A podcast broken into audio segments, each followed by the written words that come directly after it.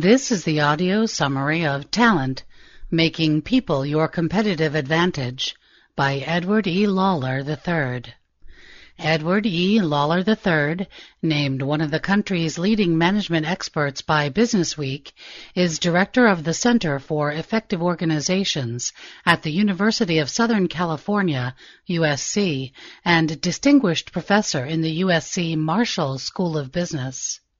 He is author or co-author of more than 40 books including The New American Workplace, HR Business Process Outsourcing, Treat People Right, From the Ground Up, Rewarding Excellence, and Built to Change, his most recent. In addition, Lawler's articles have appeared in the Harvard Business Review, Fortune, the Wall Street Journal, USA Today, and the Financial Times, as well as in many academic journals. Adapted by permission of John Wiley & Sons, Incorporated, 2004. Copyright for this audio summary is held by EBSCO Publishing, all rights reserved. Although human capital is potentially the most powerful source of competitive advantage, in today's global business environment, it is becoming increasingly difficult to design organizations that can turn talent into productivity. Talent, the follow-up to Edward Lawler's best-selling Built to Change, synthesizes theory, research, and practice to show how organizations can combine the right organizational design, management practices, and talent to gain a critical performance edge. Focusing on leadership, corporate boards, talent management, performance management, and information and decision making, Lawler identifies the organizational features needed to create talent focused enterprises and explains their operation. He provides insights into today's most innovative companies to show how organizations can determine which talent focused management approach best fits their needs. And he describes the human capital strategy and organizational design for each approach. Part 1 Talent Matters. Surveys show that senior executives worldwide believe the recruitment of high quality people across multiple territories, particularly as competition for top talent grows more intense, is one of today's most critical management challenges. According to Lawler, however, it is not enough for leaders to just say people are important. They must also design and manage human capital centric, HC centric organizations. Organizations that optimize the attraction, retention, and performance of talent. Today, most organizations are still managed in a bureaucratic, structure-centric manner. And, though managers make an effort to see that they attract and retain the people needed to make the bureaucratic structure operate efficiently, these organizations are not designed to make human capital a competitive advantage. A bureaucratic, structure-centric approach to management can still work in transactional sales, low value-added manufacturing, and food production. But for companies that are truly competing on the performance of their people, i.e., companies that are competing on innovative products, services for which employee contact with customers is central, an HC-centric approach is essential. An HC-centric organization is one that aligns its features, its reporting systems, compensation, division and department structure, information systems, etc., so as to create working relationships that attract talented individuals and enable them to work together in an effective manner. Thus, business strategy is determined by talent considerations and in turn drives human capital management practices. Every aspect of the organization is obsessed with talent and talent management. Performance management is one of the most important activities. The information system gives the same amount of attention and rigor to measures of talent costs and performance as it does to measurements of equipment, materials, buildings, supplies, and financial assets. The HR department is the most important staff group.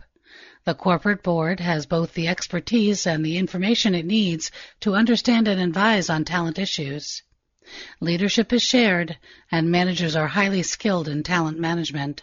Despite the fact that competitive advantage is becoming increasingly dependent on an HC-centric approach, there are times when a structure-centric system is best. However, the choice between the two is complex.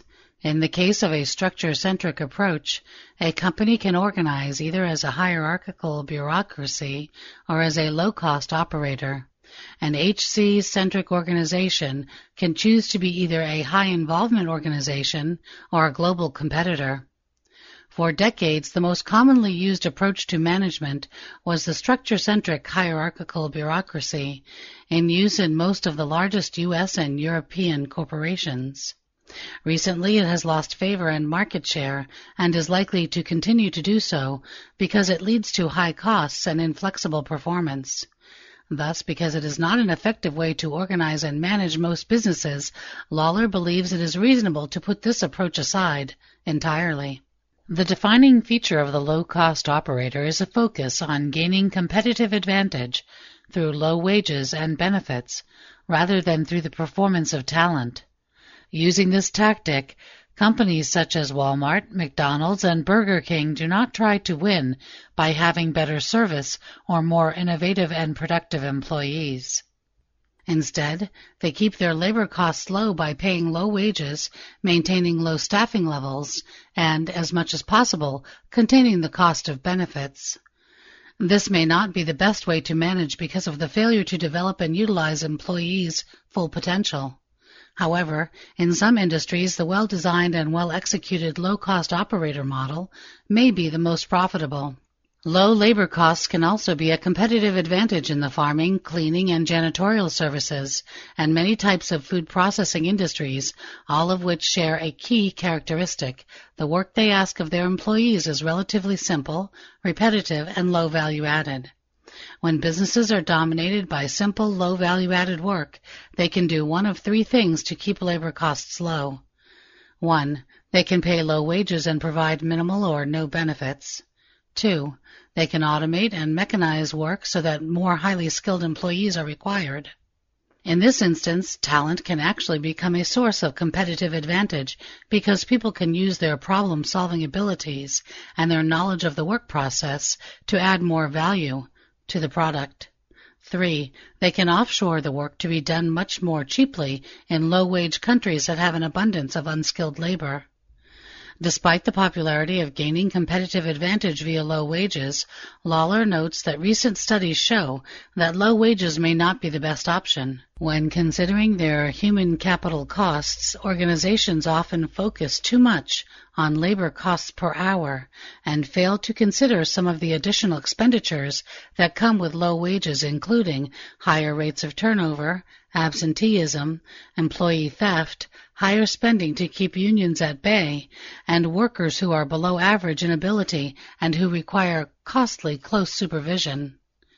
The author believes that if most organizations did an analysis of the impact of low wages on their total costs and compared the results to the total costs of the HC centric approach, they would find HC centricity right for them. This is not only true in retail, Japanese automakers have shown this to be the case in manufacturing. Starbucks has shown it for food service, SAS for computer services, and Southwest for airlines. In fact, it is believed that as offshoring continues to grow and more technology is employed in the workplace, fewer and fewer organizations in the U.S. and in other developed countries will be able to compete successfully by using the low-cost operator approach. Two particularly visible and popular approaches to HC-centric management being used today are high involvement and global competitor. High involvement management, which can be traced back to the early 1950s, is the older of the two. Placing a great emphasis on the nature of the work, it argues for responsibilities that allow individuals to make decisions, give them feedback about the effectiveness of their performance, and challenge them to develop and use their skills and abilities. It also emphasizes the importance of employees who have the ability to self-manage, who are well trained, and who can reasonably expect to have careers with the organization. As Lawler notes, much of literature about the high involvement approach focuses on the importance of leadership, with an emphasis on the importance of a democratic or participative management style. Recently, the literature has also increasingly emphasized the importance of shared leadership, a natural next step in the evolution of high involvement management. It means that individuals throughout an organization can take the lead when they have the appropriate knowledge and expertise, which, in many ways, converts leadership from an individual activity to a team endeavor. Because high involvement companies believe in a long-term, mutually beneficial relationship with their talent, employment stability is another important feature of this management approach. There is a commitment to the training and development of people as well as to retraining as the nature of work and technology changes. Most promotion is from within, and there is a strong emphasis on egalitarianism. In large part, high involvement enterprises are committed to communicating financial results to all employees, most of whom typically own stock in the company and may also participate in profit sharing or gain sharing plans. However, the defining feature of high involvement organizations is, perhaps, the way they value long-term relationships with their workforce and how they make a major effort to build a commitment to high job and financial performance. Essentially, when a high involvement organization is well designed and well managed, a type of virtuous spiral emerges. High organizational performance occurs because information, knowledge, and power are given to all members of the organization. As a result, individuals are better rewarded and more motivated, and the organization becomes a more attractive place to work. This in turn leads to increasingly higher levels of performance that make the organization even more desirable. The relatively new global competitor approach has, like the low-cost operator model, been developed in part as a response to the global competition that corporations face today. It is also very much a product of the rapid technological developments that have occurred during the past several decades. Often enormous in size and global in reach, global competitor organizations are the current glamour companies. Virtually all the leading firms in the technology sector, in complex service industries, e.g. financial services, and many in media and entertainment have adopted the global competitor approach. These corporations offer their customers the latest technology and services and, thus, often need complex organizational structures and the ability to innovate. They know that knowledge and talent are their primary sources of competitive advantage. And they realize that they can compete successfully only if they have the best available talent, talent committed to high performance and continuous improvement. Nonetheless, they are not strongly inclined toward building talent, but instead are much more likely to buy it. Global competitor companies that utilize rapidly developing technologies are particularly likely to buy and to, therefore, make extensive use of contract employees and temporary workers. As with the high involvement approach, global competitor organizations are quite different from both types of structure-centric organizations. They are designed to treat talent in ways that will allow people to make a major contribution to their success. They are also very much focused on creating an environment that will attract and retain outstanding talent.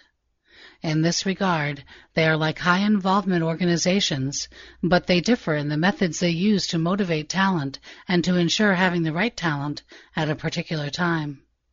Lawler notes that when choosing between HC-centric and structure-centric approaches, it is important to distinguish between talent-critical and talent-intensive organizations. When a company has a large number of employees and a large portion of its costs are associated with labor, it is talent intensive, but not necessarily talent critical.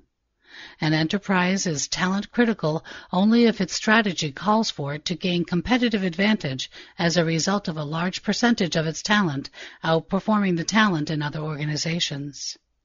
Adopting such a strategy is appropriate when an organization operates in a business where 1. The performance of an organization's talent is determined by how it is selected, developed, managed, retained, and organized. And 2. The performance of an organization's talent is a strong determinant of organizational performance. In most cases, talent-critical organizations should employ an HC-centric approach. This is not necessarily true of talent-intensive organizations, which may perform best by taking the low-cost operator approach, except in instances where talent is scarce. Both the high involvement approach and the global competitor approach have the potential to be successful in talent critical businesses. and both can lead to competitive advantages that result from the performance of talent. Which one fits better than the other depends, first and foremost, on the type and rate of change an organization faces. The more an organization expects to face rapid change, particularly change that requires it to transform or at least improve its core competencies, the more it should adopt the global competitor approach. Its advantage over high involvement is its ability to bring in new talent and quickly update or change the technological expertise of the workforce and the core competencies of the organization. This approach is also particularly appropriate when an organization is expanding rapidly, especially internationally.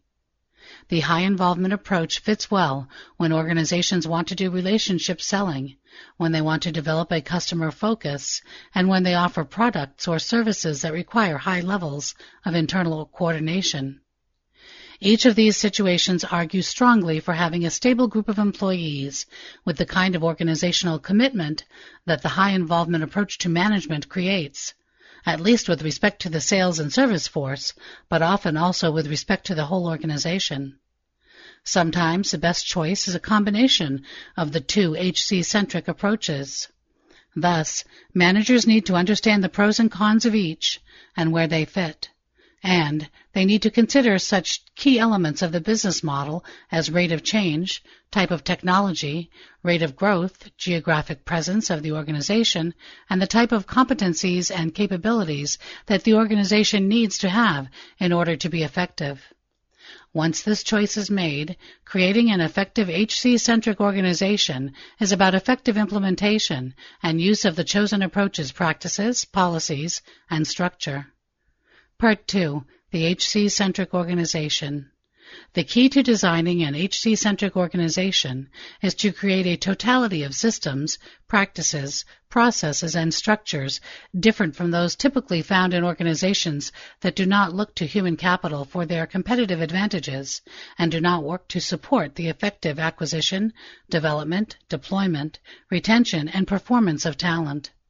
The STAR model can be used to identify the key elements of this kind of organization. The five points of the STAR, strategy, structure, processes, rewards, and people, are connected to one another. In a revised version of the model, Lawler adds competencies and capabilities, altering the placement of strategy and highlighting the roles they should play in strategy formulation and implementation. He also adds identity, emphasizing the importance of a firm's culture and external image. Strategy defines which products, services, and markets an organization will focus on and how it will compete. It is an intent that should guide choices about how the organization creates value and about how it is designed. Although an organization's strategy may or may not be based on a mission or purpose, achieving success without a sense of meaning is unlikely for HC-centric organizations because they depend on people. And because people are more likely to be committed to organizations that have a purpose they can believe in and support, having a meaningful purpose can make the difference between a successful HC-centric organization and an unsuccessful one. Having the right competencies and capabilities is basic to strategy execution. Competencies refer to the technical expertise and knowledge base that underlie the products and services an enterprise offers. Capabilities are the things that the organization can do. The results of the collective knowledge and ability of employees who work together to execute the activities that the organization's strategy calls for in terms of products or services. An organization typically needs both in order to have a competitive advantage. When it comes to structure, HC-centric organizations start from the premise that the key feature is the ability to motivate and direct the behavior of a knowledge workforce. Thus, much less emphasis is placed on hierarchy and control than in structure-centric firms, and much more emphasis is placed on the motivational characteristics of the work that individuals are asked to do. There is also an emphasis on enabling individuals to manage themselves when it comes to working with others. Another characteristic of HC-centric organizations is that they usually have a flat organizational structure with few supervisors. Thus, team-based configurations are very common and give individuals flexibility about what to do and how to do it. HC-centric organizations also avoid being solely or predominantly structured around functions, which create too much distance between individuals and the results of their work, and instead use multifunctional teams that are in touch with the external environment. Instead of developing tightly written job descriptions, individuals in HC-centric firms may simply develop a list of goals or objectives to be accomplished within a particular time period and they can be expected to problem solve and determine what methods, procedures, and skills they need in order to meet their goals. This approach makes work more interesting, challenging, and thus more motivating. But, more important, it may allow individuals to come up with the best methods and procedures and to structure their work activities to fit each situation.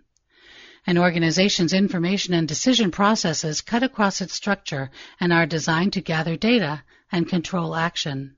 And In an HC-centric organization, they are very different from those in structure-centric organizations with their big brain control models of decision making and information management.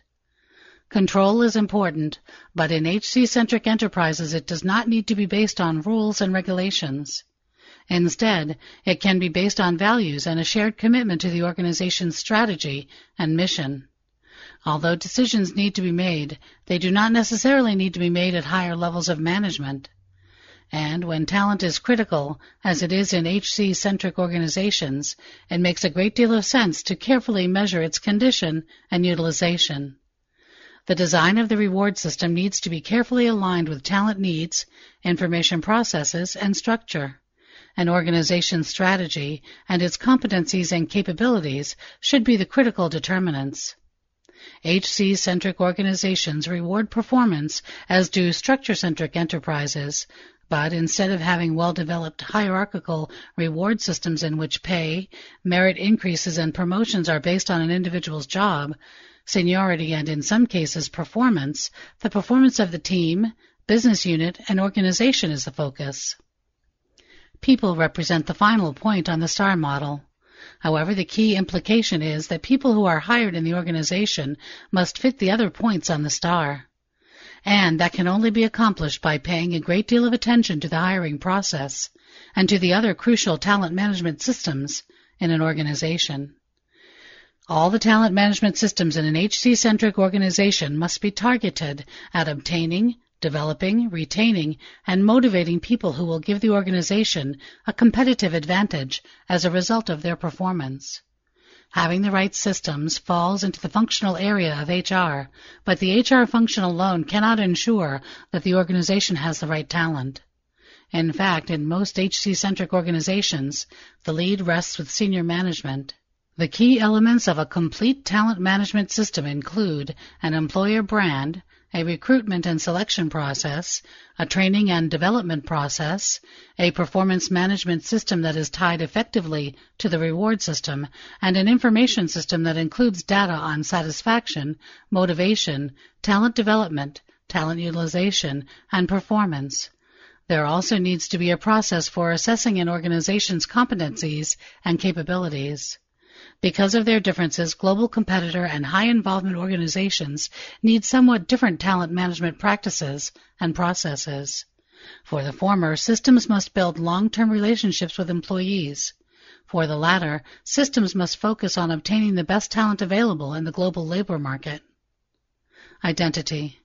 The fundamental personality of the organization with respect to how it treats people, what it values, what the right ways of doing things are, and what are acceptable and unacceptable behaviors is at the center of the STAR model. Lawler believes identity is clearly a psychological concept because though it has an objective reality, its reality is also subjective, colored by the various perceptions of employees, customers, investors, and competitors. In HC-centric organizations, the points of the star need to fit together in ways that articulate an identity that is clear about the importance of human capital and fundamental to the organization's competitive advantage. However, human capital cannot be a source of competitive advantage unless it performs at a level that is superior to that in competing organizations.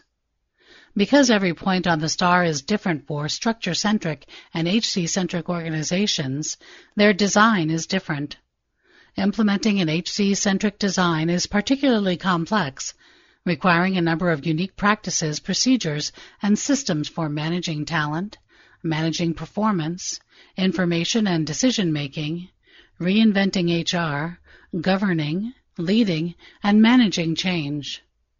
Because talent management is the most important process in HC-centric organizations, decisions about people should be made with the same rigor, logic, and precision applied to decisions about capital investment, products, technology, and physical assets. Thus, the most important talent management features include measuring how well talent is managed and holding managers accountable for their talent management performance, a strong employer brand that clearly identifies the organization as an attractive place to work for individuals who want to be sources of competitive advantage and who have that capability. An employment contract that, in a high involvement organization, emphasizes long-term employment and a commitment to the enterprise. An employment contract in global competitor organizations that emphasizes the employee's responsibility for personal growth and development a reward package that fits the preferences and needs of individuals, identifying the critical skills needed for a competitive advantage in hiring or developing people with those skills, regardless of the cost. A selection process that identifies who has or can learn the skills that the organization needs and determines whether a prospective employee will fit well in an HC-centric organization development opportunities for individuals in the case of high involvement organizations that are carefully planned and made accessible, career self-management that is enabled through information systems and that creates the opportunity for individuals to change their work assignments on an as-needed basis, major emphasis on retaining high-performance talent. Having an effective performance management approach requires a number of pieces to come together to create a system that directs and motivates individuals, teams, and ultimately organizations to perform effectively. Moreover, senior management must be committed to creating an effective system. Goals must cascade down the organization and be based on business strategy. And there must be timely assessment of performance against these goals. The skills of individuals must be measured and pay based on the market value of these skills. Feedback to individuals about their performance should be ongoing, and rewards should be tied to performance measures. Moreover, there should be an appropriate mix of rewards for individual performance, group performance, and organizational performance. The right kind of human capital information is critical when it comes to decisions about strategic planning, organization design, and change management.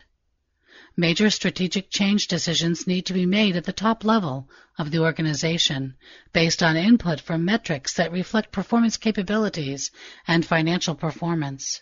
However, decisions about improving ongoing operations and existing processes are often best made at the level where these processes are focused and managed.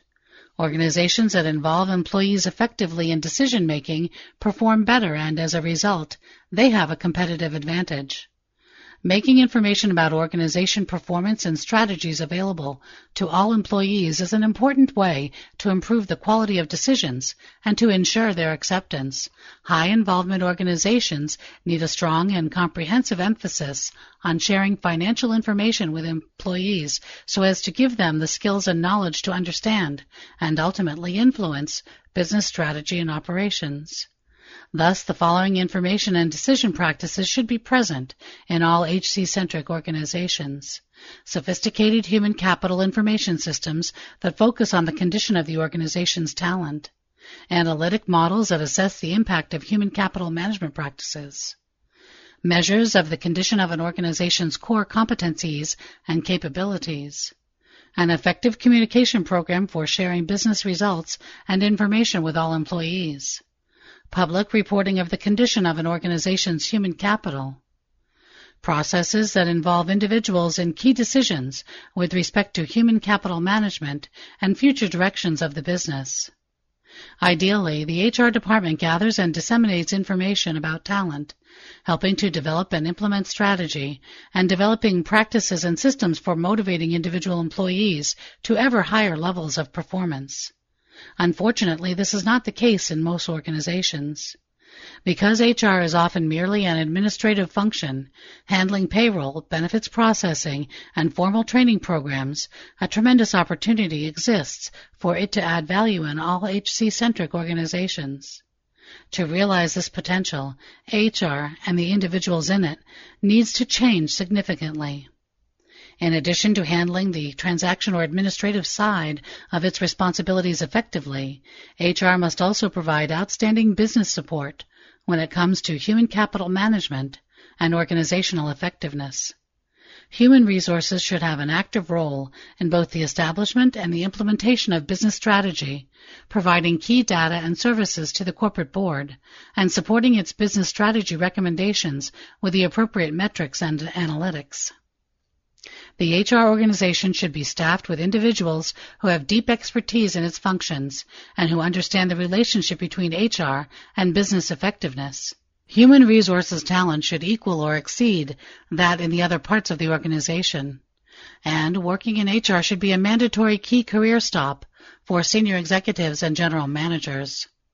Because investors are paying more attention to human capital issues, boards need to know at least as much about the organization and utilization of the HC-centric organization's talent as they do about the condition and utilization of its financial and physical assets if they are to govern effectively. They need to use this information when they make strategy decisions, do evaluations of senior managers, and make decisions about organization design, change, and effectiveness. In all HC-centric organizations, boards need enough power to have a significant influence on the way talent is managed. Specifically, they need to ensure that the right approach to talent management is adopted and that it is well integrated with strategy. They also need extensive knowledge of the principles governing behavior in organizations as well as a good understanding of talent management systems and business strategy. Board members should be rewarded based on the long-term effectiveness of their organization. Thus, boards need to evaluate their own effectiveness, as well as the effectiveness of the CEO, the members of senior management, and the individual members of the board. Thus, committees on organizational effectiveness and talent management need to be in place. Boards also need to have access to a number of metrics concerning the talent of the organization, particularly those that have to do with talent availability, utilization, and performance. They need to be sure that the executive compensation packages that they approve support the organization's management approach and reward organizational performance and the development and management of human capital. Effective leadership at all levels is particularly critical to the success of HC-centric organizations for two reasons. One, it is what substitutes for the bureaucratic controls and structures that are absent in HC-centric organizations. Two, it provides the kind of motivation and culture that will make talent a competitive advantage. Still, the question remains as to whether it is realistic to expect all managers to be good managers and leaders. Lawler believes that, though this can only be answered on a situation by situation basis, it is still possible to identify some skills that all managers must have, regardless of whether they work in a high involvement organization or a global competitor. These include expertise in performance management, expertise in talent management and organizational effectiveness, the ability to look into the future, the ability to develop open and truthful communication with individuals throughout the organization, the ability to develop leaders, expertise in walking the talk. When it comes to managing change, so as to install an HC-centric approach to management, it is most easily and effectively done as part of the creation of a new organization.